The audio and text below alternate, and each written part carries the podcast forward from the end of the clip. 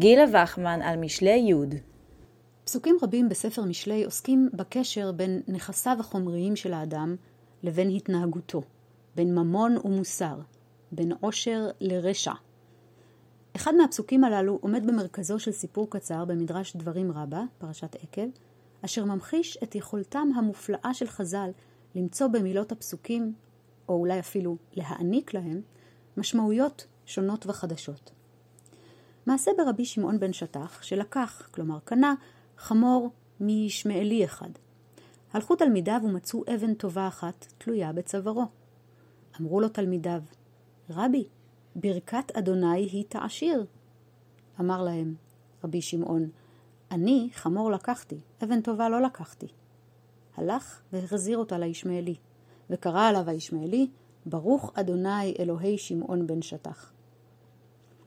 תלמידיו של שמעון בן שטח, מגדולי חכמי ישראל בשלהי תקופת החשמונאים, רואים באבן היקרה ביטוי להשגחה אלוהית, ובהתאם לכך משתמשים בפסוק ברכת אדוני היא תעשיר, לפי הבנתם, הקדוש ברוך הוא ברך את שמעון בן שטח במתנה בלי, בלתי צפויה וגרם לו להתעשר.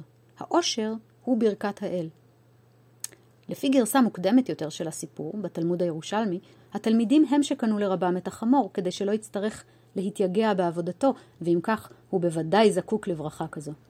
לעומתם, שמעון בן שטח אינו רואה באבן היקרה מתנה, אלא אבדה, שיש להשיב לבעליה, וכך הוא עושה. העושר החומרי אינו מסנוור את עיניו, והוא דבק במידת היושר. מה שלא קניתי, אינו שייך לי. סופו של הסיפור מבהיר כי התנהגותו של שמעון בן שטח היא הקולעת למשמעותו העמוקה של הפסוק. העושר האמיתי אינו באבן היקרה, אלא בברכה שמברך הישמעאלי את אלוהי שמעון בן שטח. ברכת אדוני היא תעשיר.